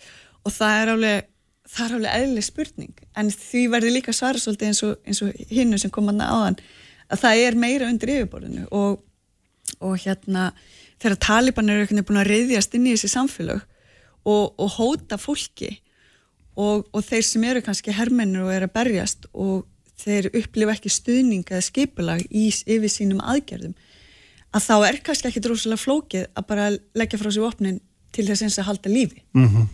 og, og það má kannski segja líka að, að hefðu þeir mætt þeim að fullum krafti að þá hefði þetta verið bara gríðilegt blóðbað og þá, þá er ekki víst að sko bara innviðir, heilbriðiskerfi þú veist, allt þetta hefði getað tekið á móti því og, og, og þú veist tækla það reynilega.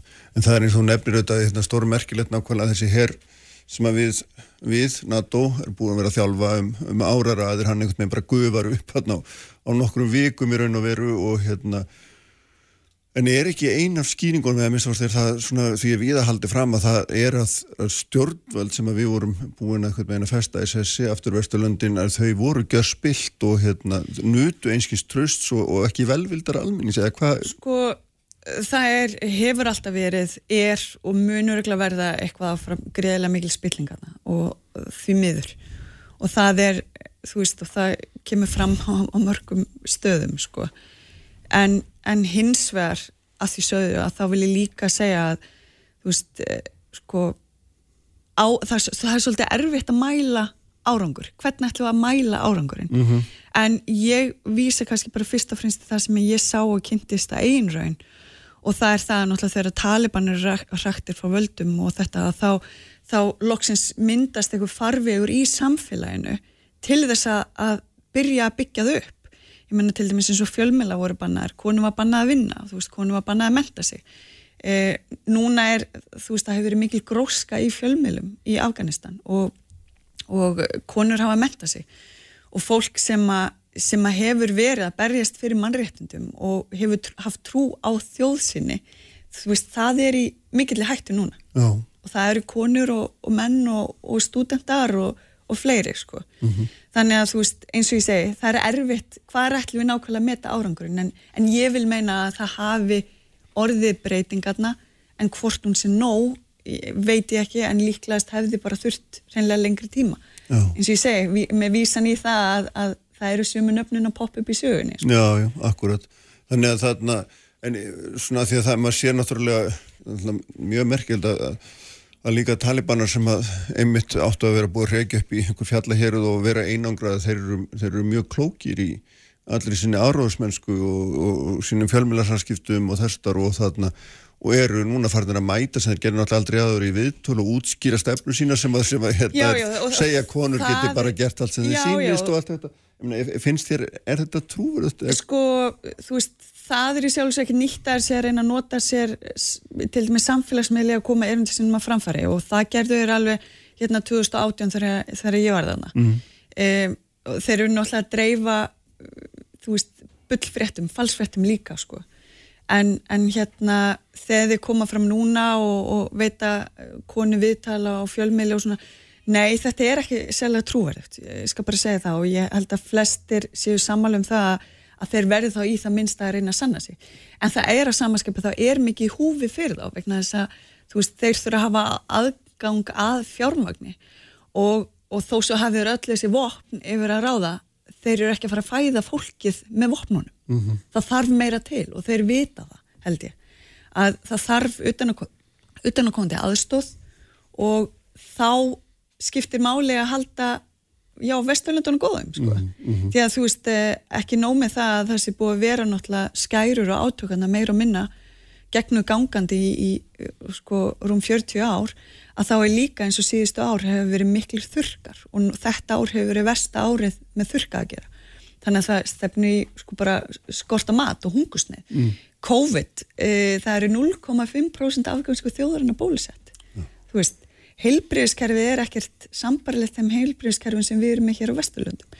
Þannig að það eru svo marglaga vandamál framöndan og, og þú veist, þeir muni þurfa einhvers konar uh, samskipti við önnur lönd held ég. Já, en svona ef maður, ef maður horfir yfir þessa 20 ára sögu og er að velta fyrir sér svona upphafinu og miðbygginu og öllu þessu og svo þessum svona daldi daburlegu og eiginlega hérna, skrítnunni þá, þá svona þetta freistast maður til þess að álita sem svo að þarna hafi einhvern veginn sko verið lagt að staði einhverju för sem enginn vissi raun og veru. Mm -hmm hvert átt að leiða, já, já. sko, ég meina fannst þér þegar þú varst þarna að það væri verið að reyna að því maður sér það líka við að menn segja hérna, það nátt að móta samfélagi í vestrænum anda, eitthvað meina tróða því onni fólk, eða, eða, Nei, hvað segir þú sem varst á staðunum? Já, ég get nú ekki alveg kannski tekjandi það þetta var nú, þú veist, þetta var meira bara að reyna að mæta fólki á jafningaleveli og, og hérna og aðstofa við að, mm -hmm. að hérna byggja upp